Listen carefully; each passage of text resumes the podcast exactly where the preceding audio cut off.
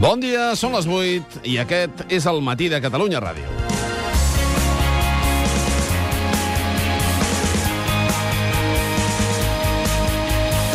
No hi ha hagut cop de timó perquè Artur Mas, més que canviar el rumb, el que vol i necessita és marcar territori i el pas. I, sobretot, donar estabilitat als seus i al país. Estabilitat que abans que res passa per deixar clars els terminis, per deixar clar que la legislatura durarà fins al 2016. Vaja, per deixar clar el que en altres circumstàncies seria una obvietat, que s'esgotarà la legislatura.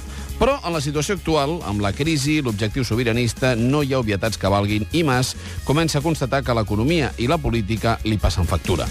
Governant amb un mig soci, Esquerra Republicana, i amb múltiples problemes dins de la federació, pel paper que fa Duran, Artur Mas intenta deixar clar que més enllà del projecte sobiranista hi ha també una obra de govern. I per si això hagués quedat diluït, que hi ha quedat, ha presentat un projecte basat en 7 eixos i amb 77 objectius en diferents camps. Mas vol donar valor a la feina feta al marge de la consulta, a la que ja està feta i a la que es farà. Vol donar valor a la feina feta per Convergència i Unió al marge dels avenços sobiranistes que alguns atribueixen només a Esquerra Republicana. Mas, però, encara té dos comptes pendents. El primer a casa, amb Duran i Lleida, un líder que ara mateix resta pel sol fet de trencar la línia ideològica de la coalició. I això ho sap bé el PSC, perquè l'electorat no perdona els partits que no marquen una línia clara.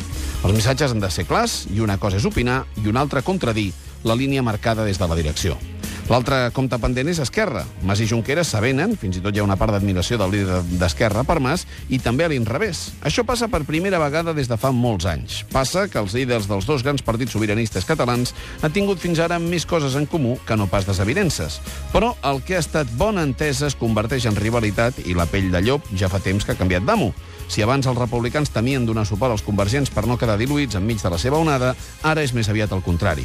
És Ciu qui ara té més recels, qui està sent diluïda per l'onada dels republicans, segons l'última enquesta publicada pel periòdico.